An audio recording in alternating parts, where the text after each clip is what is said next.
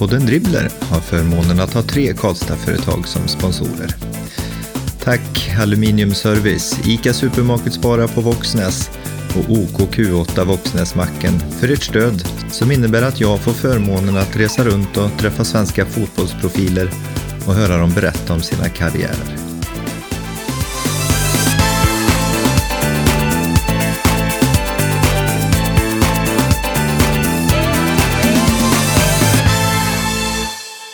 Sven Dala Dahlqvist. Han var en given mittback i det svenska landslag som tyvärr aldrig kom till ett slutspel under 80-talet trots att svensk klubblagsfotboll då stod på sin kanske högsta topp. Han kom från Gagnef i Dalarna till ett AIK där han nådde ikonstatus efter 13 säsonger. I hans kök i Örebro började jag med att fråga om namnet Dala lever kvar även efter karriären. Det är nog mycket Dala, kan jag tänka. Eller kan jag tycka.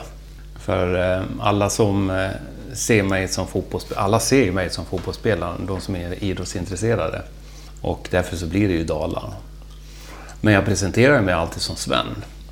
Och det är också ganska kul när man träffar någon som till att börja med tycker att eh, de känner igen mig men kan inte placera mig. De säger ”Jaha, Sven, ja men det ser bekant Är det Dala?” Ja, okej okay då. Okay. Och så blir det lite fotbollssnack. Och... Ja, ja. Så det, mm. det, hänger med liksom in i yrkeslivet också? Ja, det gör det. Mm. Mm. Finns det något Dalarna kvar då? Absolut. Jag har ju, som du hör, så har jag ju dialekten kvar lite grann. Trots alla dessa år? Alla dessa år, ja. Det är snart 40, eh, ja det är 40, över 40 år sedan jag lämnade Dalarna. Så att, eh, men man har ju alltid hjärtat kvar ifrån den bygd man är född. Mm. Så eh, jag har min bror där uppe. Så ibland är vi där i, i bagarstugan. Okay. Kunde inte i år eftersom jag har nyligen opererat mig. Kunde inte gå, åka upp och, och baka tuta och sånt bröd som man har till julen. Så det är lite tradition. Ja, okay. Så du, men du är regelbundet där uppe ändå och får lite input i, i, i språkmelodin? Ja, i själen och så. Ja. Och det hör ju både min fru och mina barn när jag liksom låter mer med dalmål i ja. rösten säga har du pratat med brorsan? Då är man tillbaka. Ja, så hänger det kvar någon, ja. någon vecka eller Men så. det är ändå ganska tydligt i din... Så, så här och bara sitta och prata med dig, det är ändå ganska tydligt dalmål kvar. Ja, men det tror jag säkert. Och jag, jag vet inte varför. Nej. Jag känner ju andra personer som när de har varit i, flyttat från en bygd till en annan, att de kan ställa om på en vecka. Mm. Så pratar man det målet. Men inte Dala? Men inte Dala. Nej. Nej. Alldeles nyss fyllda 60. Ja. Hur var det? Ja, men det var... eh, Jag har inte haft några sådana här 30, 40 eller 50 års kriser, men plötsligt när man blir 60 så tänkte jag, va? Ska jag bli pensionär snart? Mm. Det är inte Mm. långt, va? Mm. tiden har gått fort. Så det var en, en viss feeling över det och man började tänka, hur mår du egentligen och så. Och eh, kanske jag gjorde också, för jag är nyligen opererad för min höft. Sviter av min karriär och, och så. så att, eh, Killen som aldrig var skadad. Just det. Nej. Aldrig skadad, men har förslitningsskada och bytt nu min andra höftled. Mm. Så nu äntligen då, efter många år av slit och smärta i höften, så nu är är jag smärtfri. Vad skönt. Så nu får jag hoppas på många goda år fysiskt. Kunna Såklart. vara ute i naturen och röra mig mycket som jag njuter av. Mm. Som ung Sven, så det verkar när man läser om dig som du, du höll på med väldigt mycket olika idrotter. Absolut. Jag var ju inte en sån som, som direkt eh, kunde säga men jag ska bli proffs eller jag ska bli någon stjärna. Utan jag älskade verkligen alla former av spel, alla former av idrott. Och, och det var ju en eh, paljett i Gagnef, den lilla byn som jag var född i. Och, och där var ju de stora paradgrenarna var ju liksom skidor. Du vet, vi, jag är ju född eh, grannkommuner som är Gunde Svan. Okej. Ja, så att, och det var ju skidåkning, det var ju skid-SM och sådana saker. Ja. Ehm, sen var det terränglöpning, orientering, eh, det var pingis, det var tennis, det var hockey. Det var även där, då låg i Leksand nära, så då spelade jag i Insjön, någon form av farmarlag till Leksand och sådär. Mm. Så att, och så var det ju fotboll naturligtvis också. Var det tävlingen i sig som var viktig? Ja, kan man ju säga. Tävlingen och tillsammans mot andra. Och jag så, insåg ju ganska snabbt att det var roligare med lagsport än de individuella sporterna. Fast det också var kul. Men, men jag var ju ganska duktig på skidåkning och jag var duktig i tennis. Och oftast eh, vann jag ju alla de tävlingarna. Men någonstans så fanns det där när, när jag, jag spelade mycket hockey och, och, och spelade mycket fotboll. Så kände jag glädjen i, tillsammans med andra, att lyckas. Det, det var mer min själ. Kunde du hålla igång eh, fler sporter samtidigt ganska långt upp eller blev det tidigt bara fotboll? Nej, det var, det var många sporter hela vägen upp till jag fick anbudet till, till Stockholm och AIK. Så att eh, jag hade det fantastiskt kan man säga. Men var det det som avgjorde till fotbollens fördel eller, eller var det bestämt redan innan AIK hörde av sig? Absolut inte. Jag hade många inom hockeyn som sa att jag skulle satsa på ishockeyn. Eh, och så satt det. Men eh, alltså jag var ju tveksam till det här och säga att du måste satsa. Jag såg, jag såg eliten som var så långt, långt bort. Utan det var liksom inte min ambition. att Jag skulle inte kunna tänka mig att jag vare sig skulle kunna spela i Leksands IF i, i ishockey eller i ett allsvenskt fotbollslag. Och, eller i landslaget. Jag hade inte en tanke på det. utan Jag såg bara den här glädjen. Men jag visste, jag kände ju att jag var duktig. Jag kunde mäta mig med, med många, alla som jag mötte. Var, jag hade respekt, men inte sån respekt så att jag, jag, jag, jag blev snarare bättre när jag mötte bättre spelare och så. Men skulle ett anbud från, eh, ja men säg AIK i hockey, om det hade kommit före skulle det ha kunnat blivit Sven Dahlqvist hockeyliraren då lika gärna? Eh, nej, det tror jag inte. Nej. Nej, för fotbollen var lite... Jag såg att jag var bättre i fotboll och kunde lyckas mer i fotboll. För hockeyn så, så var jag inte den här explosiva spelaren som jag kände också att det var, det var ju de delar i mig, egenskaper i mig, som jag, jag fi- måste ha fått eh, kämpa vidare med. Eller har varit kanske den största utmaningen för mig. För jag är väldigt sävlig. Och, och, så, och det passar bättre i fotboll. Där man istället kan, inte behöver kanske den här absoluta explosiviteten. Nej. Utan man kan placera sig rätt. Man kan läsa in situationer på ett annat sätt än i ishockeyn. Så det var väl den känslan jag hade för Ja. att fotbollen är nog mitt. Och hur var känslan när AIK då, då var du, var du 19 någonstans där? 18, Jag var 19 år. Ja. Ja, Hur var det då? Det måste ha varit ett stort steg där. Ja det var ju ett fantastiskt stort steg. För det var ju, jag spelade ju i division 6. Ja. Och hade ju haft anbud från både Falun och, och, och Brage. Falu BS. Brage känns ju som ett mer naturligt steg tänker man då i, i det Ja, läget. de hade ju pratat med mig i ett par år, tre, fyra år, ända sedan jag var 15-16 år. Då, att jag skulle gå över till dem. Men det, Varför gjorde du inte det då? jag trivdes som bäst hemma i omgivningen och på nära mamma. så tryggheten där och kompisarna runt omkring. Eh, hur den var då så gick det ju bättre och bättre i, eh, i, i A-lagsspelet. Och jag spelade ju många år i A-laget utan att vi lyckas ta oss upp i divisionen. Utan Jag spelade i division 6 ända sedan jag var 14 år. Men det är svårt att se den här... Dels är det svårt att se hur, hur man ska kunna utvecklas så mycket och, och samtidigt att de har koll på, från AIKs sida, på en kille, som, en ung lovande kille, men ända ner i division 6. Ja. ja, alltså det var andra tider. Och eh, på den tiden så hade man så kallade talangscouter. Och jag vet inte om de finns kvar idag, men man hade vissa säljare ofta som hade kombinerat sina säljjobb som var ute på resande fot. Att, att håll koll på Dalarna. Ja, okej. Och håll koll på, på, på det och någon annan får hålla koll på ett annat län eller distrikt och så. Säljare med ett fotbollsintresse helt enkelt. Ja, men så. Ja. Det, fanns, det finns säkert många kända. Ja, men under tiden, om man säger i Göteborg, fanns det en kille som heter Anders Bernman. Mm. Han jobbar ju mycket med sådana här kontakter ute i landet. AIK hade också eh, sådana Mm. Motsvarande. Mm. motsvarande. Och, och jag vet att jag hade en granne som som kom från Stockholm, en sommargranne i Gagnef. Han kontaktade en kille som heter Lasse. Lasse Johansson eller så. Eh, Och han eh, var verksam inom handbollen i, i AIK. Han förmedlade kontakten till en, en kille som var ute och kikade på mig. Och då stod det också oftast i en blänkare i, i Borlänge-Tidningen och Falu, Falu-Kuriren. Ja, och på plats fanns det en agent från AIK.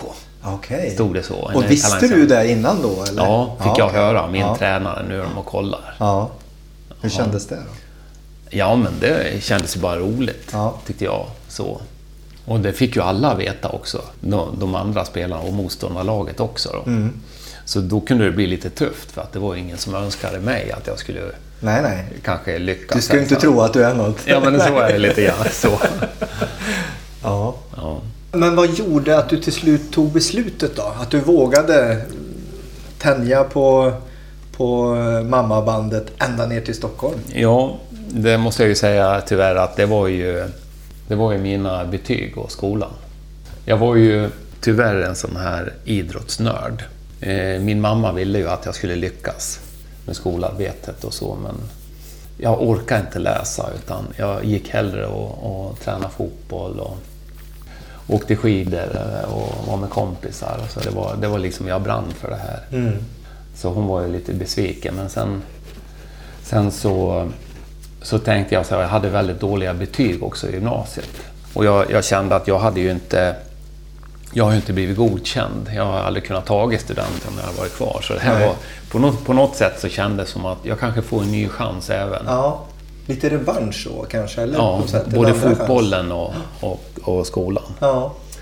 Och, och det jag gjorde när jag kom till, till Stockholm då, så kände jag att jag både fick knyta en näven i fickan för fotbollen, men även för skolan.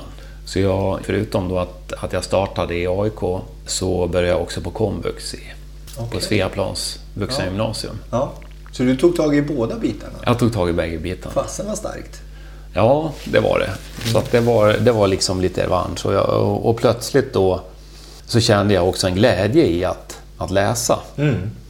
Jag lärde mig grammatiken för första gången då, när jag var ni- 20 år. Eh, Och det gjorde jag för att jag, jag bytte språk. Så jag skulle lära mig tyska. Och då är ju grammatiken väldigt ja, viktig då. Ja. Och då, fick, då lärde jag mig svenska grammatiken parallellt. Okej, bakvägen liksom. Bakvägen liksom. Så Ja. lite så där blev trixet Ja, ja. när jag ja. gick vidare. Och därifrån sen så när jag hade lyft mina betyg då så sökte jag in på eh, universitetet så att jag har en ekonomiutbildning i botten idag. Det är ju en solskenshistoria. Ja, kan man säga. Så, så någonstans där så kände jag att jag, jag gjorde min mamma glad också. Mm. Men eh, jag förstod också allvaret i det att det finns ju en tid efter fotbollen. Jag visste heller inte om jag skulle lyckas med fotbollen. Men också en mognad i att kunna tänka så när man inte är äldre. Ja, precis. Vad klok jag var. Ja. Men mitt i den här klokskapen Ja. då. Det, det måste ju ha varit en, en eh, jättegrej. eh, Bo själv och... Mm. Det var ju en tuff tid. Supertuff var det. Jag hade ju inte varit i Stockholm så, så ofta och, och hamnade där eh, eh, som en bondläpp kan man säga. Mm. Jag menar, jag kom en jättebrett dalmål. Och det var, de undrade vad jag sa för någonting och frågade vad säger du för någonting. Så jag, till sist så kunde jag knappt prata med någon. Nej. Och i grunden så är jag lite blyg också. Ja. För att jag fick säga om saker och försöka prata rikssvenska. Så eh, det var ett problem. Men jag tänkte, det är ju inte därför jag är här. Nej. Jag är här för att lyckas i, i fotbollen. Men eh, det var supertufft eh, i början där och, och dels att hitta. Mm. Dels att hitta från... För det, det jag fick börja med eh, när jag kom dit, det var att jobba lite grann på Folksam. Okej. Och Folksam låg och deras personalchef var ju satt, var lagledare eller satt i styrelsen i AIK. Så de ville ju snabbt ta in en också då i något form av arbete till att börja med. Mm. Så jag jobbade ju ett halvår på, på Folksam innan jag började på vuxengymnasiet. Ja, okej. Mm. Men det skulle jag börja samtidigt som det var träning på kvällen. Och jag hamnade på söndagen i Solna på Ängkärrsgatan, en etta. Och, eh, dagen efter skulle jag börja nå, något eh, postarbete, administrativt arbete på Folksam i Farsta. Som låg söder om stan. Och sen så, så skulle jag tillbaks och träna på första träningen. Med, med AIK då, som på Råsunda stadion. Ja. Fix, Så där. fixa det Sven. Ja, alltså jag tänkte, för han kom och hämtade mig på måndag morgon. Och jag flyttade in på söndagen och sen på måndag morgon så kom han och hämtade mig, eh, den här AIK-ledaren. Och jag tänkte, vad bra, då är det en som skjutsar mig, slipper jag bry mig. Eh, och eh, sen när han hade skjutsat mig till, till Farsta, då sa han så här, ja Sven, sen finns det såna här tunnelbanor. Och vi ses på träningen ikväll. Ja. Och jag hade aldrig åkt tunnelbana. Så det var liksom starten. Ja. Och då kan man tänka sig att jag hade med mig hela det här. Att komma till ett nytt ställe, att komma till Stockholm som kändes stort från en liten by från Gagnef till att få en ny, ett nytt förvärv någonstans i de södra förorterna. Till att jobba en hel dag och bekanta mig med dem på jobbet. Att hitta tunnelbanan. För de hjälpte mig på lunchen, de här posttanterna. var tunnelbanan var någonstans. och hur man köpte någon biljett för att Ja, komma ja. vidare. Och komma och, och till Råsunda, in i omklädningsrummet för första gången och träffa Fast då vill alla. man ju gå och lägga sig och sova i det läget. I det läget, Man är ja. helt slut. Och då är det dags att träna. Ja. Och då hade också AIK skaffat en ny tränare. En engelsman som heter Keith Bergen. En riktig tuffing. Så han kom också med sin, sin första dag där också. Okej. Så då började träningen vet jag halv sex på kvällen. Ja. Så jag vet första, första kvällen när jag kom hem, för jag skulle ju hitta sen också från Råsunda och till där jag bodde. Och mörkt var det. Du vet, första december är ju Ja. liksom inga såna här ljusa kvällar. Nej, nej. Utan det är becksvart. Och sen då hem, och man kanske är hemma vid nio. Och sen ska man ju då försöka samla tankarna för att upp tidigt och åka tunnelbana. Förstår liksom hur det, hela den här cykeln började. Ja. Oj, oj, Ja, oj. och jag kommer ihåg, det jag kommer ihåg det att för det första då, den kramp jag hade nästan varje morgon jag vaknade den veckan Ja. för träningen och allt som snurrade. Jag kommer ihåg på, på lördagen efter första veckan hade tränat varje dag. Och på lördagen så vaknade jag vid 11 och solen sken in genom fönstret. Mm. Och då, då kröp jag till, till fönstret och tittade ut. Alltså det är här jag bor. Tänkte jag. Det var min- första det var min- gången du såg dagsljus. Ja men exakt. Ja. Det var min första vecka. Det var... Ja. Och det måste ju också ha varit en enorm skillnad att komma från division 6-träning. Ja. Nej, det fanns ju inte ord på hur, vad kroppen fick vara med om. Det var som att hoppa in i någon eh, mangel, en köttkvarn. Och, och att vad, vad som kommer ut där borta. Liksom. Och man behöver näring liksom. För, Ja, ja. Och alla intryck liksom. Hur funkar det med käk och sådana där grejer då? Ja, men jag var ju lite dålig på att göra... Man fick käk efter träningarna, Ja. så det var ju bra. Mm. Så, men att göra mat själv sen, var ju, det fick man ju lära sig. Mm. Det har man ju blivit bra på. Ja. Ja, det var mycket som hände där. Det var, det var en stor, om man säger, om man säger en riktningsförändring i livet. Mm. Alltså man, man, man hamnar i vägskäl ibland Mm. i livet, men där var det en, ett val. Och jag kommer ihåg att jag var, jag var så trött. Och så för, när, man alltså, när man är så trött och man är psykiskt påverkad av miljön, plus den här träningen, plus eh, arbete, plus allt annat. Och sen lyckas man inte, utan man får ju kanske blicka att du räcker inte till. Mm. Då tänker man ju oftast, jag vill hem. ja, men såklart. Jag vill hem till mamma. Ja. Eller hur? Ja. Någonstans är det en röst som ropar. Ja. Och det där tänkte jag på. Och det var också ett vägskäl. Det var, det var ju i det här vägskälet är liksom så här att... Eh, ja, jag kanske ska åka hem, men då samtidigt så kände jag, men knyt näven i fickan nu liksom. Och vad ska de andra säga när du kommer hem? Exakt. Börjar man ställa upp liksom. Ja, naturligtvis kommer de att säga så här. Ja, vad, var det vi sa? Och det tänkte jag, Ja, det, det ska ska bli de aldrig min, det, det ska bli min eh, eh, motivation. Ja. Då, det ska de få säga hur mycket som helst i sitt tysta. Ja. Jag ska minsann visa. ja. Kontrakt på den tiden? Alltså jag tänker att du hade ett visst Ja. antal år på dig att lyckas, eller? Ja. Jo, absolut. Och jag fick ett tvåårskontrakt. Eh, Ett prestationskontrakt. Jaha.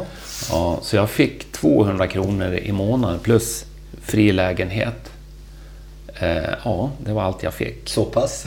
Så pass ja. Sen, sen vet inte jag vad en bra lön var på den tiden, en månadslön. Den kanske var på 10 000.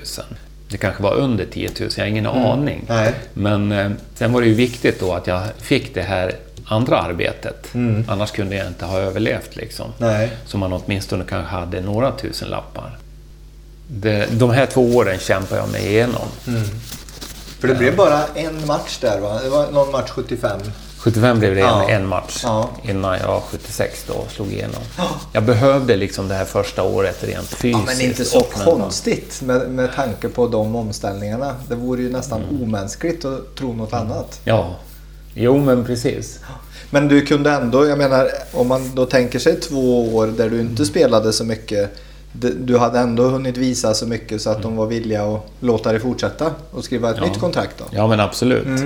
Alltså år två så slog jag mig in i laget. Mm. Ja, inte redan från start för vi fick en ny tränare och eh, den där tränaren kom jag ihåg att han gillade inte mig riktigt sådär. Det har också sådana här minnen. Jaha. Han trodde inte jag var för långsam så. Eh, Jag krigade emot det där och tänkte ge mig bara chansen ska du få se. Ja. Eh, Så jag visade ju de gånger och till sist så började tidningarna skriva när det gick dåligt för laget. Men vad fan, ni har ju en kille som alltid presterar när han är med. Så han kunde inte hålla sig Nej. sist. Och sen när jag väl kom in då våren 76, det andra året. Sen har jag ju varit permanent kan jag säga. I 12 år efter det. Och det som är så roligt med den där första tiden Sven, det är ju i min minnesbild av, av dig, det, då är du ju bara ett kanonmittlås med Glenn Hysén. Det är min bild av dig. Ingen Okej. kommer förbi. Men du börjar ju som forward och i flera Ja. år. Ja, men absolut. Jag var ju, jag var ju värvad som forward. Eller hur? Jag, jag tyckte det där var jätteroligt. Och jag, jag älskar ju att göra mål. Liksom. Ja. Men hur var det den där första gången någon sa Sven, du kan väl spela där bak Ja. som målgörare? Det måste ju vara som ett straff nästan. Ja, men det var, ja, det var ett straff kan man säga. Och det var ju eh, lite grann som det här att det, det jag, jag, jag vill inte spela jag vill inte spela back. Det är inte min plats. Kom inte hit och ta ifrån mig det jag älskar. Liksom. Men eh, det var ju så inför det här året, och det var 77, eh, Eh, så, så bröt en av mittbackarna precis innan seriestart benet. Och så fick de göra om, Börje Leback fick skolas om till att spela mittback. Och så spelade vi eh, halva året och så kom hösten och sen så bröt han också benet. Och så stod man där utan mittback. Och jag kommer ihåg, vi hade Gunnar Nordahl som tränare. Och det, blev ett, det var ett uppehåll eh, lyckligtvis på, på 14 dagar där. Mm. Och då var det något ljushuvud som kom på då, kan vi inte testa Dala i backlinjen? Och, liksom, Och där lärde du dig allt om backspel. Du måste ha varit lätt På 14 dagar? Ja. Ja, jo men faktiskt så, så lärde jag mig från, från 0 till 100 på en gång. För att när, när jag då fick spela, provspela en B-lagsmatch och två B-lagsmatcher tror jag, fick åka till Åtvidaberg och spela också. Och det gick ju hyfsat bra. Och jag har ganska bra spelsinne och så jag vet var man ska stå någonstans. Så då beslutade de om att nu får Dala spela mittback mot Djurgården. I derbyt. 25 000 åskådare. Så det gick liksom från 0 till 100.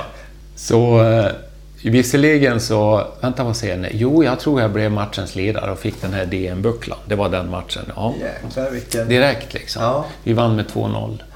Men kände du då liksom, jag menar om det går så där direkt så jäkla bra att fasen här, här blir jag ju kvar. Var, var det den känslan eller kändes det fortfarande bara som Alltså- var tillfälligt? Alltså både och. Eh, och, och samtidigt som jag, jag kände att här, det här passar ju mig bra. För jag läser spelet hyggligt bra och jag kunde styra också försvarsspelet. Så, så, sam, men samtidigt så kände jag jag, jag måste få den här känslan att jag får kliva framför målet någon gång. Och få sätta dit den. Ja, men någon jäkla hörna ska du väl kunna hänga med Ja, på. men exakt. Det blev ju så Ja, till sist. ja. Att man fick eh, gå upp så, men... eh, Men placering och sånt där på, på plan och lyfta laget och jag menar alla sådana saker som man aldrig gör. Även, jag menar även med ett gott spelsinne. Det måste vara många moment Ja. som, som du ju faktiskt aldrig egentligen har gjort. Nej, men det, man, eh, i och med så att man hade det tänket så... så eh, man har ju det bakvända tänket. Eftersom jag är forward och möter någon som lyfter laget när bollarna är i en viss position så måste man ju agera ut efter det också, annars springer man ju offside. Ja. Så känner man ju till positionerna. Du kunde läsa det omvänt liksom. Ja, lite så. Kan man fotboll eller har man bra spelsinne, vilket jag får väl skryta över att jag har, eh, så funkar det ganska snabbt. Då är man vältränad och, och tränar varje dag, har gjort så i många år, så, så är det inte så svårt. Fotboll är ganska enkelt. 1979, då var du nära att, att lämna AIK och Mm. gå till, till Malmö. Just det. Vi ramlade ju ur serien då, 79. Det var ju en jättetråkig historia och jag kände väl också att det var... Det var inte bara tränarens fel, utan det var ju både spelarna och föreningens som har gjort en felaktig satsning. Det låg ju i botten naturligtvis till att jag, efter de här anbuden som jag hade då, för det var ju klart att man blir ju ett, by, en, ett, ett villebråd, liksom, som alla jagare i det läget. Och jag hade gjort min första landskamp också. Och så. Och Malmös Bob Houghton ville att jag skulle komma. Då hade ju de också gått vidare i, Champ, inte Champions League, vad heter cupvinnarcupen där? Ja, de fick ju stryk i Europacupfinalen då. Ja, så kanske det var. Ja. Ja. Så det var ju, det var, de var ju jätteduktiga då, Malmö, i det svepet. Så jag var ju attraherad av, eh, av, av erbjudandet då. Men hur som helst då så måste jag ju säga att det var ju Lennart Johansson som övertalade mig att jag skulle vara kvar. Vad sa han då? Han såg ingenting. Det var det som var problemet. Smart kille. ja, jag kände hans besvikelse. Ja. Ja, så mycket liksom. Var det viktigt för dig? Var han en viktig person? Ja, det tycker jag. Dels så kände jag ju naturligtvis en, en eh, stor eh, tacksamhet från AIK att jag hade fått komma dit och jag hade lyckats på något sätt. Va? Och, det, och, och just Lennart Johansson, Bruno Nyberg, Lennart Hemming och många ledare som var runt laget. De, ehm, de bar liksom den här traditionen för klubben och så vidare och de ville killarnas bästa. Var på träningar mycket och kikade och så. Och, och den känslan man fick då, det jag har fått vara med om från det här läget att jag har, jag har, jag har liksom inte... Jag har blivit hjälpt till att bli en elitspelare. Ja.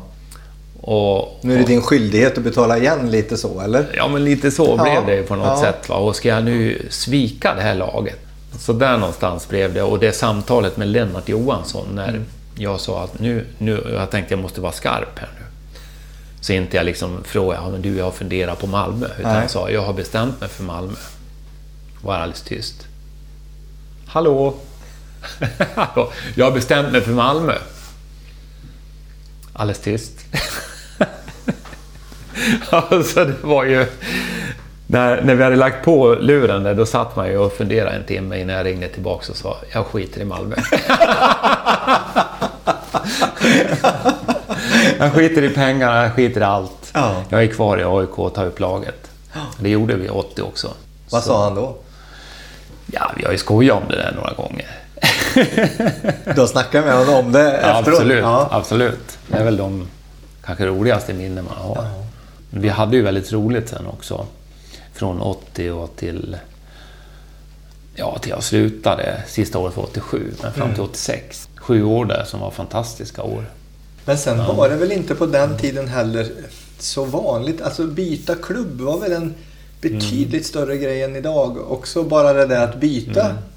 färgerna, var det inte det? Ja, det, var, det är ju inte lika förekommande som nu och framförallt inte som att bli proffs. Mm. Var det ett, ett fåtal som var på, om man säger, För dig då, var det, var det någonsin aktuellt med något proffsspel? Mm. Absolut. Det var ju också... eh, Jag hade anbud från Saloniki i Grekland. eh, Och jag hade från Sporting Lissabon i Portugal. Eh, Nu vet jag inte när någonstans, 83, 84, som jag fick anbud. Varför tog Så- du inte det då? Alltså, dels så var jag ingen kanske sådär super, superstjärna. Så man kunde tänka sig att, ta mig om inte jag var för dyr. Mm. Men AIK satte en ganska stor prislapp för mig. Så det kan man ju säga att de hjälpte inte mig där. Nej. Å andra sidan så ångrar jag ingenting att jag inte har blivit proffs heller. Utan det som har hänt med mig och fotbollen efter det här har varit jättebra tycker jag. Mm. Jag har kunnat ägna tid i Sverige med familj och annat. Bli tränare och ledare Mm. efter. Så att eh, jag ser andra positiva saker. Mm. Men det är ju ändå så att under en tid eh, min bild av svenska fotbollslandslaget, jag tänker vi ska komma tillbaka till det sen, men även om framgångarna inte var så stora så var det ju ett väldigt, väldigt bra lag med många bra spelare. Mm. Och du vinner ju faktiskt Guldbollen 1984. Så jag Mm, menar, mm. nog tycker jag att det finns fog för att, att, att titta lite extra på den där Mm. Dala ifrån Sverige. Ja, kanske det. Jo, men jag hade... Det var väl ju- just det. Det kanske var i det, det, i det häraden som Ja. jag, jag fick anbud också. Ja. Det är bra att du påminner Ja. mig. ja, men exakt.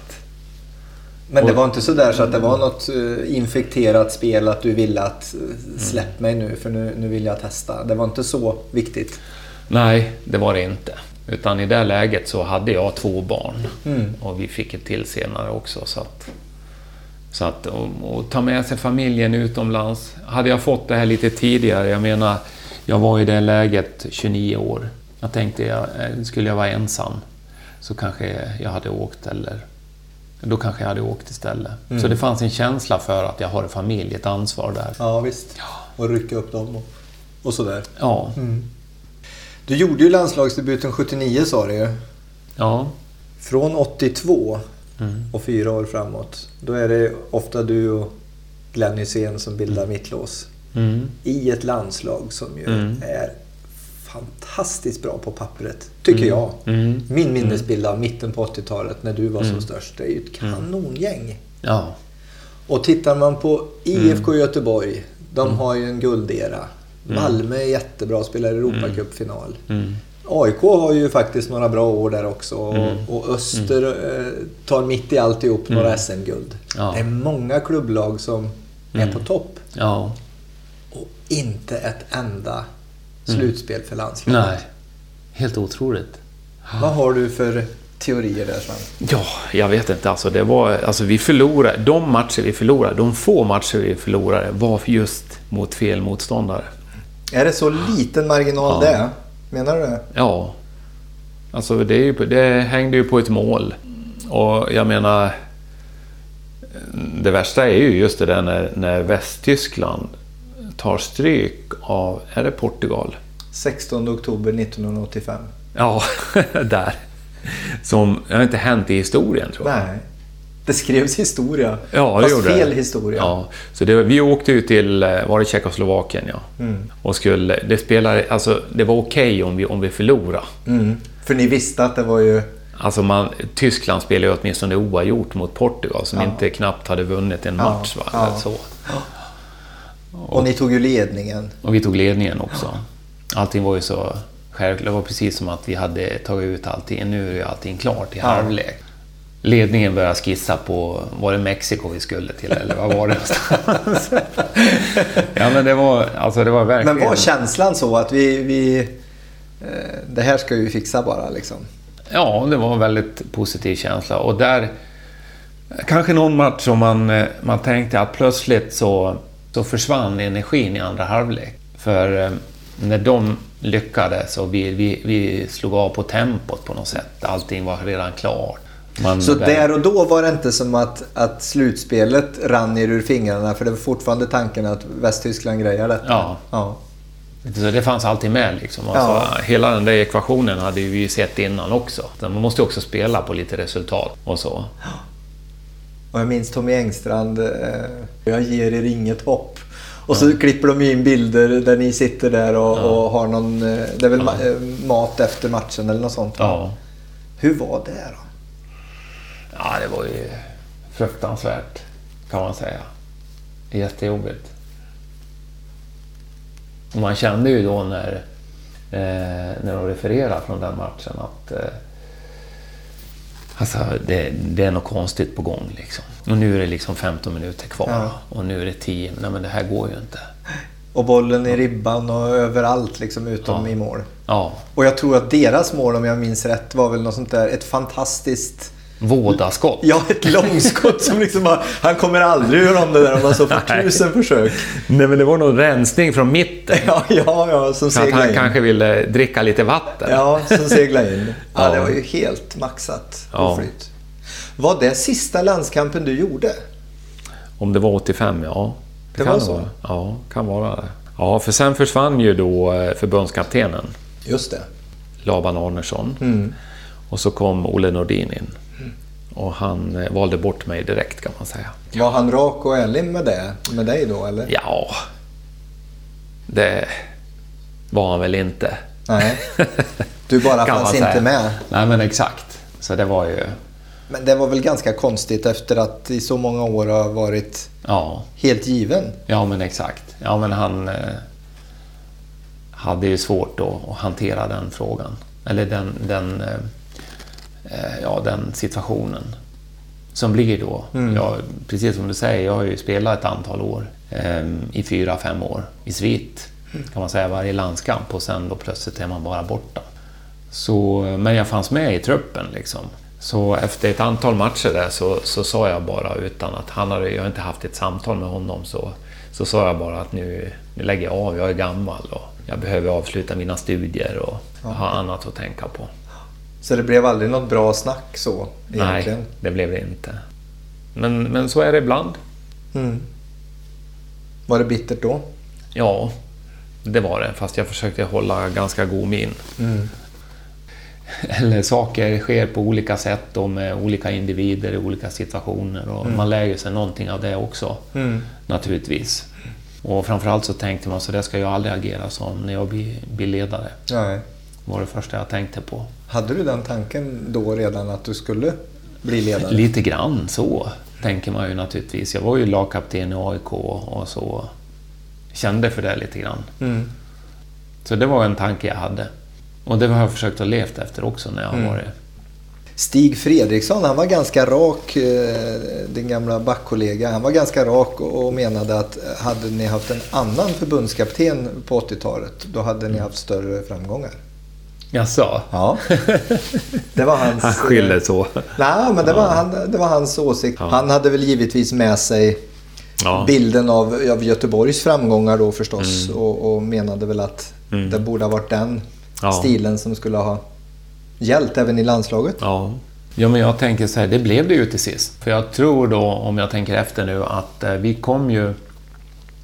Eh, Laban kom ju in med, med ett, ett eh, spelsätt, ett spelsystem som hade med sig från öster. Han hade varit tränare där framgångsrikt. Och, eh, men eh, stommen i, i, i, landslaget var ju från Göteborg. Och de, de skulle anpassa sig då till ett, ett annat spelsystem, så jag håller med att... Men vi kom ju dit. Vi spelade ju som Göteborg sen. Det blev en trygghet. Men det var inte så där, för det, det låter ändå, i alla fall på vissa håll, som att det var en... Att det var lite infekterat och det, det var inte så där så att det liksom kom ner ända ner på spelarnivå. Att ni kunde sitta och tjafsa om hur borde vi spela och att det fanns falanger i laget som tyckte olika och att det fanns en oenighet i det. Nej, alltså det var ju... Jag vet ju att tidningarna sökte Mm. och försökte skapa konflikt mellan Malmö och framförallt Malmö och eh, Göteborgsspelarna. Alltså var, var någonstans här och eh, kanske då Laban Arnessons tänk som han har med sig från öster och, och så. Och där försökte man na- naturligtvis snurra lite runt där. Och, Ja. men eh, jag var aldrig inblandad i något, något samtal tillsammans med spelare och ledningen med, med Laban om hur ska vi spela. Utan det var... Det, det tror jag att eh, Laban till sist eh, tog bara ett beslut att det är klart, vi kör med vad stommen är bekväm i. Och jag menar, Göteborgs och Malmös spel var ju väldigt lik varandra. 4-4-2 system. Man spelar med zon zonspel. Och vi hamnar ju där till sist. Så jag vet inte, om vi har haft en annan förbundskapten, ja i så fall tänker jag så här. Hade han haft lite mer matjord i fickan, vad nu det betyder, en lycka. Jag menar, så bra resultat som vi gjorde då och, och så få mål vi släppte in trots allt. Mm. Eh, så, så var vi ju, gjorde vi väldigt bra ifrån oss under hans tid. Mm. Utan jag tänker mer på den här, vad tur är för någonting. Ja. Alltså vad är det för någonting? Flyt och sånt. Men det hade inte Laban. Så av den anledningen kan jag säga, ja, Mm. hade vi en mer, hade vi en förbundskapten med mer matjord i fickan så eh, då kanske vi har gått till både EM och VM Mm. under de här perioderna. Men sett till, till senare årgångars framgångar, det har det ju varit eh, ja, 94-gänget och, Mm. Och även en lång rad slutspel efter det. Om du Mm. tittar tillbaka på, på ditt gäng, Ja. hur tycker du, nu är det svårt att jämföra så, men, men Mm. hur tycker du att ni håller i jämförelse? vi, är inte, vi är inte i närheten. nu. Nej, men jag menar alltså som, som ett bra... Eh, som, ett, som ett landslag betraktat alltså. Ja. För, för, för jag har ju ändå minnesbilden att det laget som var där Ja. 83, 84, 85. Ja. eh, Ett fantastiskt lag. Ja, men det är kul att du säger. För man, man tittar ju oftast, oftast på landslagen eh, och beundrar dem utifrån resultat. Mm. Och, och om inte det är något exceptionellt med, med några spelare som typ Zlatan liknande. Mm. Men eh, det är ju jätteroligt att du uttrycker det så, men jag, jag, i de flesta fall så är det resultaten som, som skriver historia och känsla för. Och där fanns det inte tillräckligt med matjord. Det fanns inte tillräckligt med matjord där, Nej. tänker jag. Nej. Men mitt i allt det här då, Sven. Guldbollen Ja, 1984. ja. Hur var det? Ja, men det var ju fantastiskt. Det trodde inte jag var, var sant egentligen. Men eh, jag tror ju också att det var efter ett antal år i AIK. Vilket eh, det står också i den skrivningen där, eh, när jag fick bollen. Att jag har varit en klippa i, i, AIK och burit laget efter, ja, med tanke på att jag tappar många spelare och så vidare. Mm. Eh, och bra ledare och bra föredöme och lite så. så att, eh, ja, men det var stort. Det var jättestort. Och eh, den första och enda AIK-aren historiskt, än så länge också. Ingen AIK-are har fått Guldbollen tidigare och inte än idag. Och som har varit aktiv i AIK alltså. Ja. Så det är ganska kul. Det är väl lite Så. häftigt ändå. Jag tänker med, med tanke på det här valet du gjorde att vara AIK trogen. Att Ja, på, det är lite, nästan lite karma här va? Är det inte ja. det? ja men det är det. ja. Jo, men det, var, det är jättekul och det blir ju en väldig uppståndelse. Eh, naturligtvis. Och, vad kul att få... Och då var det kul också att göra lite såna här intervjuer. Och reflektera över hur gick det här till? ja. Liksom, det står man som Sveriges bästa fotbollsspelare då, Ja. 84. Och eh, åtta år innan så, så eh, stod jag där på, på ängen utanför fotbollsplan i Gagnef. Mm. Eller på fotbollsplan i Gagnef. Nära min mamma. Och gjorde det här valet. Mm. Ja. och hela den resan liksom. Fick vi också göra. Så det Ja. var ganska kul att få... Vi gjorde den återkopplingen ja. också. Och Aft- Aftonbladet gjorde det. Vi var uppe och, och hälsade på mamma. Fick Jaha, berätta. Ja. Tillsammans med mina bröder och så. Så det var kul. Det var jättekul. Det tror jag det. Prata med gamla fotbollsledare. De mindes bara bra saker. Ja, men det gjorde Ja. de. Det var ingen som sa något fel då. Eller också höll de inne med det. Ja. Men vad säger du om den här då Sven? Rädda våra liv, rädda våra barn, bort med Dala från fotbollsplan. Jag älskar den. Det, det, det måste man ju bara få sådana ramsor efter sig om de är riktigt rädda för en. Ja, Var det det energi att få höra den? ja. Bara energi. Ja. Fantastiskt. Att man får såna, Ja. såna ramsor och det lever kvar. ja. Hur, hur länge höll, höll den sig vid liv? Ja, det var nog... Ja, men jag kanske, det kanske började där när, när jag blev back. Jaha, så tidigt? Ja. ja, men det började någonstans i, i, i svängen där. Eh, och sen hade vi ju en, en ja, oftast i derbymatcherna. Alltså, nu har jag väldigt dåligt minne, men jag tycker ju nästan aldrig jag har förlorat mot Hammarby eller Djurgården. När man kikar i historieböckerna så är det väl en och annan förlust. Ja, ja. Det var ju så härligt att gå ut i derbymatcherna. Ja. Och då är ju klackarna, alltså, det var, det var fantastiska eh, matchdagar och så vidare. ja. Och sen få såna här, såna här ramsor där man kan bara ställa sig upp. Men vad tänkte du första gången du hörde den? Jag har ingen aning vad jag tänkte. Det var men- men- livrädda våra barn. Ja, men ehm, det är klart man skulle bli superledsen om man hade en, en hop av, av supportrar som skriker något, något dumt om en naturligtvis. Men jag hade ju en egen klack Ja. som lyfte mig. Ja, ja. Med andra goda ramser. Det var ju hur läckert som helst att lyckas med AIK Black Army i ryggen. När man gjorde någonting bra liksom. Ja. Så att det här att få, få den här motsatta replikerna Mm, Ja. kändes ju bara bra. Ja. Ja. nu har de respekt. Ja. Försöker de psyka en, då ska det bli ännu bättre. Ja. Jag tänker jämförelsen med din mittbackskollega Jan Eriksson. Han hade ju inte Mm. riktigt lika goda erfarenheter av, av att ha Black Army bakom ryggen. Du var inte Nej. med om den biten också under perioder där det kanske gick mindre bra? Nej, aldrig kan jag säga. Mm. Ehm, eh, så, och jag har alltid haft klacken med mig också. Och ju längre tiden gick i AIK, ju, ju, ju mer så, så uppskattar de en att man Mm. dels inte valde Malmö, dels att vara kvar i klubben och man blev trotjänare. Man gjorde bra resultat, Mm. man fick Guldbollen. Eh, vi slog rekord i minst insläppta mål och allting. Så att, ja, det blev ju liksom lite historia och tradition runt. Mm. Men hur var det sen då och 1987 att lämna i, i det skedet? Var det mer naturligt att göra en förändring då eller var det... Ja, det var det kan man säga. Det var med. Jag var ju 32 år, 33 år. Så att eh, någon gång måste det ta slut. Fast det kändes ju naturligtvis. Och då hade jag ju ett anbud från Örebro också. Och tänkte att okej, jag kan avsluta min karriär två år här i Örebro. Försöka hjälpa dem upp i Allsvenskan. Det var en bra utmaning. Plus att jag kanske mm, hamnar i en miljö för min familj som är bra. Försöka få hjälp med att få ett bra jobb. Alltså en övergång från, från att spela fotboll till in i yrkeslivet. Så eh, de pusselbitarna satte, var, var ganska bra tyckte jag. Attraktivt. Och det blev ju några säsonger i, Örebro också. Ja, det blev ju fem säsonger Ja. till.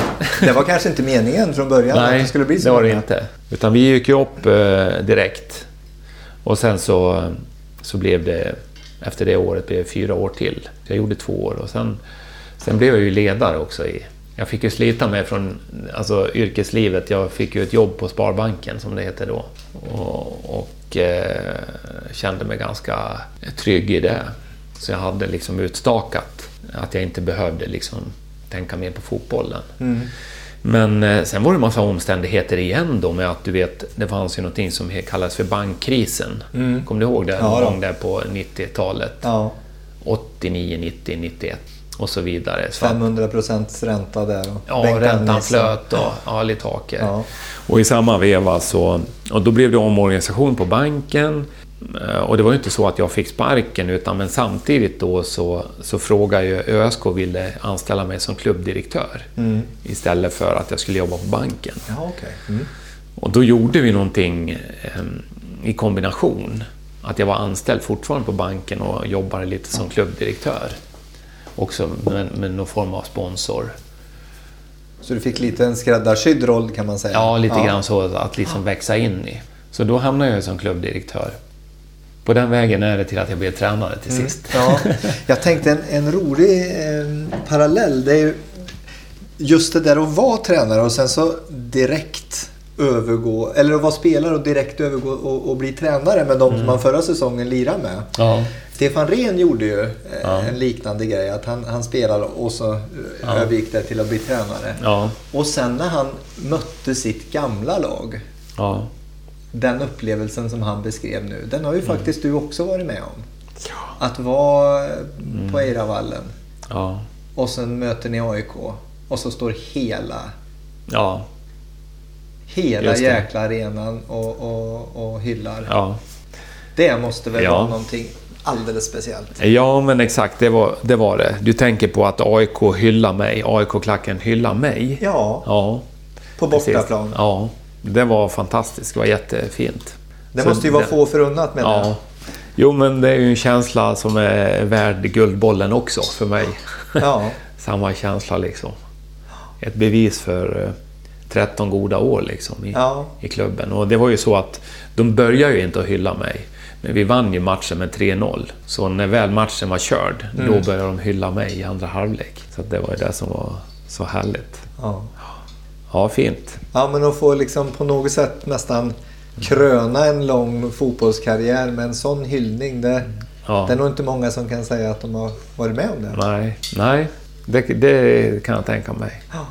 Men, men den här ledarrollen då Sven. Du har aldrig varit ledare i, i AIK. Att knyta den säcken. Att Mm, komma dit efter. Örebrotiden. Nej, och det har jag faktiskt... Jag har, jag har gärna velat gjort, göra det. Mm. Och faktum är att jag har sökt något jobb Okej. där. Mm. Men det har inte... Jag har, jag har, eh, jag har inte fått. Mm. Eh, Och det har inte varit rätt timing. Jag har blivit rekommenderad av andra AIK, AIK-are i föreningen att söka Mm. också, men helheten satt inte riktigt då. Alltså på ett sätt kanske har jag tänkt så här efteråt, för nu blir det ju ingenting, Nej. tänker jag. Det kanske är bra, det som har varit. Mm. Om jag kommer dit nu kan jag förstöra hela min historia, min, mitt namn, Ja. som ändå eh, förknippas väldigt positivt. Så låt det vara. ja. Låt det vara skrivet där. Ja, Vi skriver inget mer kapitel Det finns mer att förlora än kanske... än att vinna, Ja. tänker jag då, när det inte tajmingen har funnits. Men var tanken eh, när du liksom gjorde den här övergången in i en tränarkarriär och sen en, en tid som klubbdirektör. Var ändå tanken att det här kanske blir min arbetskarriär, liksom tränarkarriären? Ja, det, det fast jag hade inga planer på, på det. Men du var inte främmande för tanken? Nej, det var jag inte. Mm. Jag tyckte det var intressant. Det var intressant och framförallt så handlar det om, om att vara ledare. Mm. Jobba med ledarskap och relationer och eh, organisation och organisationsutveckling och föra en idéburen organisation framåt. Mm. Den glädjen, den själen i, i det. Och som jag har fått uppleva ända sedan egentligen barnsben i Gagnef IF Mm. och som bär en ideell förening. Men kan man inte säga att det du säger nu ändå ganska tydligt återspeglas i, i det yrkesvalet du har gjort? Som jag har gjort sen, ja. Ja. Absolut. Och jag hade ju en kort sejour eh, i en eh, mer kommersiell, eh, ett aktiebolag. Mm. Jag hade förresten ett eget aktiebolag också. Eh, men eh, jag sökte ju en tjänst på, på, på Sensus studieförbund. Mycket med tanke på den eh, ideologi som, som ligger bakom förening, ett föreningsarbete. Mm. Lagspelaren har inte gått ur dig? Nej, inte alls. Så att eh, det är, eh, det är jag glad för att jag har fått jobba i en sån här organisation. Jag har jobbat i tio år Mm. i samma organisation. Mm. Och har överlevt kan man säga. Ja. Även här. Ja, ja. Då. Men att se utvecklingen, se möjligheterna och utmanas tillsammans med andra. Mm. Det är Spännande. ja. Du har ju lyckats fostra en, en hyfsat god fotbollsspelare i dotter Lisa också. ja, fostrat. Hon har fostrat sig själv. jag har inte sagt Något så måste hon mycket. ha fått med sig. Ja, kanske. Du vet, de här var ju... De här, säger jag. Mina barn. Ja. Min, min son Svante, han föddes ju året när eh, vi återtog den allsvenska platsen i AIK. Min eh, dotter Elsa, alla tre är ju födda i Stockholm under AIK-tiden. Eh, var ju ett år när jag fick Guldbollen. Och, och Lisa föddes ju mitt sista år i AIK. Och de är ju, de är ju liksom uppväxt i en tid där jag var landslagsspelare. Jag var lagkapten i AIK och det var inte mycket tid Nej. till annat än fotboll. Mm. Eh, och som tur var så, så kunde jag ägna mig åt lite studier och fotbollslivet och vara professionell och kunna ägna tid åt familjen. Ändå har, känns det någonstans där inne att man har försakat tiden med barnen. Mm. För man var ju borta ganska mycket med både landslagsspel och träningsläger och, och så. Oftast på viktiga tider också. Mm. Läggdags och sådana saker. Ingen semester. Nej. Max en vecka på sommaren. Julen var faktiskt en av de bättre tiderna man var spelare för då, då, då var det julledigt. Det var mm. inga matcher heller och så. Men, eh, sen har man ju naturligtvis varit med barnen och runt barnen när de har kommit in i föreningarna men inte aktiv som tränare. Utan stått bredvid och tittat, mm. skjutsat. Men vad de har gjort, de har ju kanske mer läst av vem jag är. Ja, ja. Än att jag har talat om vem jag är. Och det är väl också någon form av, av inlärning, ett lärande mm. som de har gjort. Uh, och, och, alla tre är väldigt intresserade av fotboll också. Dessvärre så min mellandotter Elsa då har gift sig med en djurgårdare. Oj, oj, oj, så det var ju jättesvårt i början. Det svarta fåret. Ja. I varje släkt. ja. Och hela hans släkt är ju djurgårdare också, men det gick faktiskt bra. Innerst inne var han Innerst en människa. Just det. Ja. Och jag, jag, tror jag höll ett tal eh, en, en juldagen när vi blev inbjudna till deras släkt där. Och jag fick just säga det att det inte det är inte det att han är djurgårdare som, han, som, som, som gör att han ska bli min svärson. Utan den människan, ja. precis som du säger. Ja, ja. Så lite så. Men det, det, är ju roligt med det här att, att skoja om det här Absolut. också med de olika klubbtillhörigheterna. Är det på något sätt speciellt att se, för det är väl bara Lisa som har kommit till, till en landslagsnivå? Som har, tagit, som har gjort hela resan? Ja, och, och liksom se sitt barn där, där man själv mm. en gång stod. Ja, jättestolt naturligtvis. Eh, samtidigt så, den här resan som, som jag har gjort, många ser ju bara de positiva sidorna. Mm. Men det är ju en, en tuff resa. Såklart. Att också kunna prestera år efter år och inte vila liksom på, på bara ja men jag är duktig, jag kan, utan det är ett hårt arbete som, som ligger bakom. Enormt hårt arbete och mm. eh, många svårigheter har man gått igenom för att lyckas också. Och det ska klaffa med medspelare, förening och, och man ska hålla sig frisk. Man ska hålla sig i fysisk och psykisk balans. Och det är ingen lätt ekvation, utan Nej. det är ett jobb som måste göras. Mm. Och det är jag mest imponerad av Lisa, att hon... Eh, och, och jag, jag har ju funderat många gånger på att Eh, eller jag säger så här, jag ska ju inte, absolut ska jag inte uppmuntra henne. Jag har inte uppmuntrat mina barn till att gå samma och göra samma karriär för mig. Nej. För det kostar också på en hel del. Jag måste kunna ta det själv. Ja. Och det måste komma inifrån dem. Men på något sätt känns det som att Lisa vill det här så mycket själv. Hon brinner ju för det här. Ja. Naturligtvis. Och det är jätteroligt idag. Lisa är 28 år och, och hon vill ha feedback från mig mm. i matcher och hon vill prata. Jag frågar henne, vill du att jag ska? Och så vidare. Hon mm. är ju envis och till tusen liksom. Och ibland får man tassa lite runt henne och man får passa sig för vad man säger. Och, och det är hon som bestämmer liksom. Men eh, ja, så det är kul. Det är jätteroligt. Mm.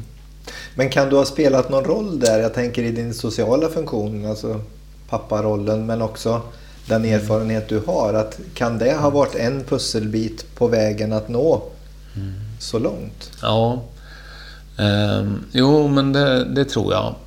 Och framförallt är det inom med det sociala. Mm. Alltså hur hon psykosocialt har fungerat vid sidan om sin fotbolls... Eller tillsammans, parallellt i sin fotbollskarriär. För ja. det är ju, jag menar, man ska ju inte bara kunna dribbla, skjuta, stå rätt på plan.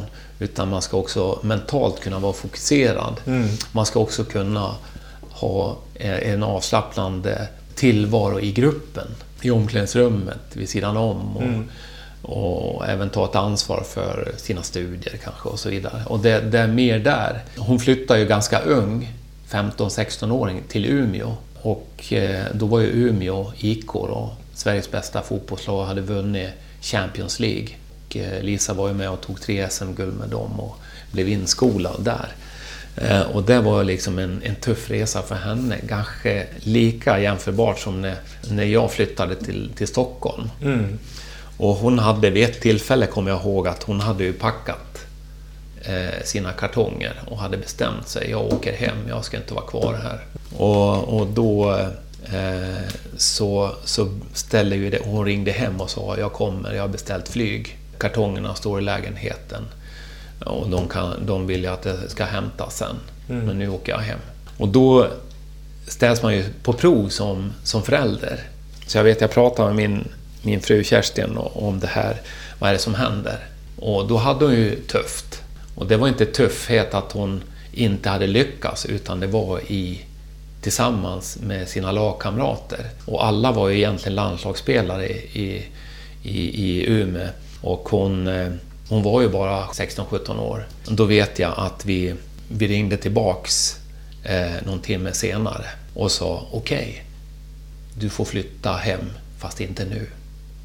Du flyttar hem om tre månader. För man åker inte upp till Umeå. Och vi, vi har inte hjälpt till att flytta dig upp dit utan att du har tagit chansen. Ja, då, då, då, var vi ganska tuffa. Mm. Du flyttar hem och vi bestämmer, du de här tre månaderna ska du ta. Det här är en tröskel du, du ska gå över oavsett mm. eh, du åker hem eller inte. Men eh, vi bestämmer att du åker hem och då ska du göra det där. Sen blev hon kvar i fyra år. Ja. och tog tre SM-guld med Men det är kanske en annan, ett annat föräldrapar hade resonerat på ett annat sätt. För du hade ju ändå den erfarenheten med dig. Precis, lite i botten. Mm. Så där kan man väl säga att, att, eh, om jag då säger så att den psykosociala biten, mm. den sociala eh, tryggheten har, har vi hjälpt till med mm. i hennes fall. Mm. Och det handlar inte om ja, men du måste få tränaren och, att du spelar så och så Nej. och så vidare. Eller du ska peta den och du måste vara bättre än det. Alltså inget sånt utan, utan mer utifrån hur, var hon befinner sig i livet. Hon befann sig i livet kanske på samma sätt som jag förklarade förut om det här vägskälet. Mm. Vad skulle hon göra när hon kommer hem, till exempel? Ta de reflektionerna över detta. Mm. Är det förhastat? Är det inte? Vad är det som, som gör att jag tar det här klivet? Vad ska jag göra för att vara kvar? Hur ska jag klara det här på bästa sätt? Mm. Idag befinner hon sig eh, som nybliven mamma i Paris. Eh, och, och, Paris 2015 är, kan man ju säga en hel del om. Ja. Att ha sin dotter där, eh, Sven, hur är Mitt i hjärtat av, av Europa. Ja. Där det är både eh, terrorism, Eh, och stora världskonferenser mm. placeras. Och där, där bor hon idag eh, med sin familj och sitt barn Penny. Så eh, det är helt fantastiskt att hon också blev värvad dit som, som en bra fotbollsspelare. Jag är superstolt över henne, att hon, att hon tog det klivet också. Finns det en oro att hon befinner sig just där idag? Nej, det finns mycket att oroa sig för men oron skulle i så fall vara om hon själv visade något tecken på osäkerhet eh, eller tvivel över vad hon vill med sitt liv mm. överhuvudtaget. Det här är ju en dröm som har gått i uppfyllelse för henne och eh, ja, jag kan inte säga något annat än att jag är, är superstolt. Sven, var eh, jättetrevligt att bli hembjuden till dig och sitta i ditt kök och, och minnas eh, sköna fotbollsstunder. Ja, det var jättekul att du kom. Det känns som att vi kunde pratas vid eh, i flera timmar till. Ja. Men vi ska väl avsluta sen med att få höra ditt All-Star-team. Ja. Det, det, måste vi... Ja. De namnen vill jag, vill jag verkligen få höra. Jag har ju fått liksom dragit mig till minnes genom och tänkt på liksom vilka spelare har jag spelat med, vilka storheter har jag mött. Och jag kan väl säga att en spelare som jag funderat ett tag på, som jag tänkte ta med i startelvan, som blev skytteligamästare under VM i Spanien 82, platsade inte. Han hamnade bara på bänken. Det var Paolo Rossi. Då förstår vi att det här kommer bli ett bra lag. Det här kommer bli ett kanonlag. Jag kan väl säga det, varför inte han platsade var för att jag, jag och Glenn Hysén vi neutraliserade honom fullständigt i EM-kvalmatcherna. 83, 84 tror jag det var. Och det gjorde väl jag mina bästa landskamper också, när han inte fanns på plan kan man säga, fast han var på plan. Ja. Så det är alltså eh, ett lag som består av eh, både spelare du har spelat med och mött? Ja, absolut. Låt höra sen. Ja, och men ändå så har jag ju med eh, åtminstone en italienare här och eh, det är målvakten, Dinosoff Och han tror jag spelade till han var 39-40 år. Men eh, jag har eh, en ganska svensk backlinje och eh, en trotjänare från AIK tiden får ta plats som högerback. Eh, Och det är Göran Göransson. Eh, En mittfältare som också skolas om till back till sist. Och jag gillar verkligen hans energi, hans engagemang och hans vilja. Och, och vi hade många duster på träning, på matcher och, och det var en glädje att spela med honom. Jag har ju själv satt mig här då som, som inneback tillsammans med Glenn Hysén.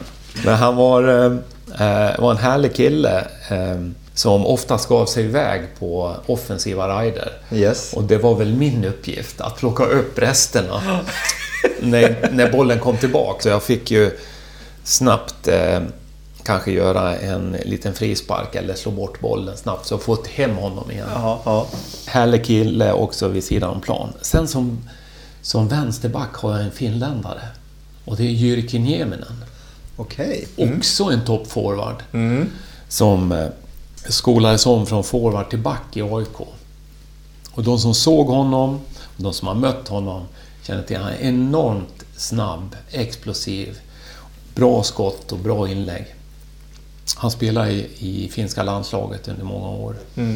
Och jag spelade med honom i slutet på 70-talet och början på 80-talet. Ingen säger emot mig där. Sen har jag eh, på mittfältet från höger har jag en tysk spelare. Och där har vi Pierre Litbarski. En personlig favorit. Han gillar jag. Det gör du också? Ja, ja. Jag tänkte, känner du igen den här spelaren? ja, men en, en liten. Hjulbent, duktig på straffar, eh, liten, Ja. teknisk. Ja, klurig. Ja, Det kommer jag ihåg i matcherna mot Tyskland när jag mötte honom. Alltså, de, Tyskland var ju lite stereotypt. Hade såna här brunkerspelare. De här gjorde att eh, man eh, fick en annan dimension i det laget. ja. Eh, Så han placerar på högerkanten. Sen kommer, om jag har, har haft någon idol, så hade jag på den tiden en stor spelare från Brasilien som jag hade förmånen att få möta och det var Sokrates. Eh, Vi mötte Brasilien i Göteborg i en träningsmatch, 3-3. Och eh, det var då som jag kom på tanken att man kanske skulle byta tröja. ja okej. Det hade jag inte tanke innan. Nej, det fanns inte innan. Nej. Och jag tänkte Sokrates, han var lika lång som mig, så han burrigt hår. Oerhört teknisk och snabb fast han var så lång. Han var 1,93 också som jag var. Så när det var en halvtimme kvar av matchen, jag tänkte det är väl ingen annan som ska ha hans tröja. Så jag, när vi var tillsammans där så, så pickade jag honom på. Can I have your shirt? Ja, och då nickade han. Och sen det roliga var då, när matchen var slut, så just då, då var ju han långt bort på plan. Ja. Han var ju liksom på andra sidan. Ja. Och då såg jag just Stig Fredriksson sprang fram till Sokrates. Han, och frågade, får jag byta tröja? Nej, nej, nej, sa han då. Det hade han lovat mig. Så jag fick hans tröja. Sven, Den Sven hänger- will have it. Ja, Sven vill have it. Ja. Så den hänger där inne. Ja. Sen så har jag en liten rolig eh, person och en fantastisk person bredvid honom som jag hade förmånen att spela med och dessutom har varit min tränare i många år. Det är Rolf Zetterlund. Vilket Så- intressant mittlås. Ja, Sokrates och Roffe Zetterlund. Ja, men disciplinerad Rolf Zetterlund med fantastiska crossbollar och passningsspel och ett defensivt tänk som var fantastiskt. Tycker jag kompletterar just Litbarski och Sokrates. Då kan ju de släppa loss framåt. Jag menar Ja, det. Gud absolut. vilken polis vi hade, skulle ha där då. Ja. Och sen så eh, mitt i detta då, för jag tänkte jag måste ha balans i det här laget. Var Du har tänkt. la- Ja, det hör jag. Så har jag en fantastisk vänsterytter från Brasilien som heter Eder. Mm. Om du känner till den. Som kunde skjuta hyfsat med vänstern. Ja, fantastiskt. Och just framför Jyrki Nieminen, Ja, ja, ja. finnen. Ja, folk kommer ju att fly fältet där på högerkanten. Hörru, nu ser jag här att jag har tre forwards. Ja, men vi, vi kan låta dem alternera. Vi får Ja. se här hur vi löser det. För att eh, då väljer jag bort eh, Karl-Heinz Rummenigge. Han, han får sitta på bänken. Med Paolo Rossi? Ja, där Paolo Rossi får sitta på bänken. ja. För jag har ju Karl-Heinz Rummenigges tröja också. Okej. Okay. Den, fick jag, den tog jag också. Ja. Och Paolo Rossis tröja, den tog jag ju också då. Så du har eh, några hyfsade inne i garderoben? Ja, ja. De, de har jag. Men jag har ju en svensk och en polack, polack kvar i kedjan. Och den, den eh, svenska killen heter Torbjörn Nilsson. Fantastisk spelare. Ja. Så att eh, jag börjar bli sugen och, och få se det här. Kan man inte göra ett tv-spel ja, med, med, med deras egenskaper? Ja, absolut. Ja, men vilken, vilken härlig kille. Dels var han en fantastisk som fotbollsspelare med både sin snabbhet, sin teknik, sitt spelsinne, men också en kille som kommunicerade innan matcherna. Vi pratar mycket. Om jag går så, vill jag ha bollen där. Möter jag, möter jag bollen, vill jag att du lägger den på djupet. Alltså bara det mm. växte man av som spelare, mm. att ha sådana medspelare. Mm. Och sen den andra killen då, på topp, en riktig måltjuv. Miroslav Kobistal. Okej. Okay. Den här killen var jag själv med och värvade. Då var jag spelande klubbdirektör i Örebro Sportklubb. Mm. Det var jätteroligt då när vi värvade honom. Vi var väl lite sådär, tror vi på den här killen eller inte? Mm. Sen har jag förmånen att spela med honom i två år och det var ju en riktig måltjuv. Och han har ju skrivit historia i ÖSK här. Med dem. Han var klinisk. Han var klinisk och han satte vi också, vad som var kul, ÖSK-ledarna. Du vet, man får ju såna här bonus när man vinner matcher och sådär. Ja. Han fick bonus om han gjorde mål. Och det var en snål fan. Så han, han fick, jag tror, tusen spänn för varje mål han gjorde. Ja. Så han gjorde mål varenda match. Han gjorde flera mål också. Han var så bra så han håller Paolo Rossi och Karl-Heinz Rummenigge på bänken. Jajamensan. I Dalas stjärnlag. Just det. Ja, då måste han ha gjort något bra. Han var fantastisk. Söndahl Dahlqvist, tusen tack. Tack själv. Vad roligt att du kom. Ett stort tack till mina sponsorer Karlstadföretagen Aluminiumservice, ICA Supermarket Spara på Våxnäs och OKQ8 Våxnäsmacken. Fortsätt att lyssna på några av våra största fotbollsprofiler här på Fotbollspodden Dribbler.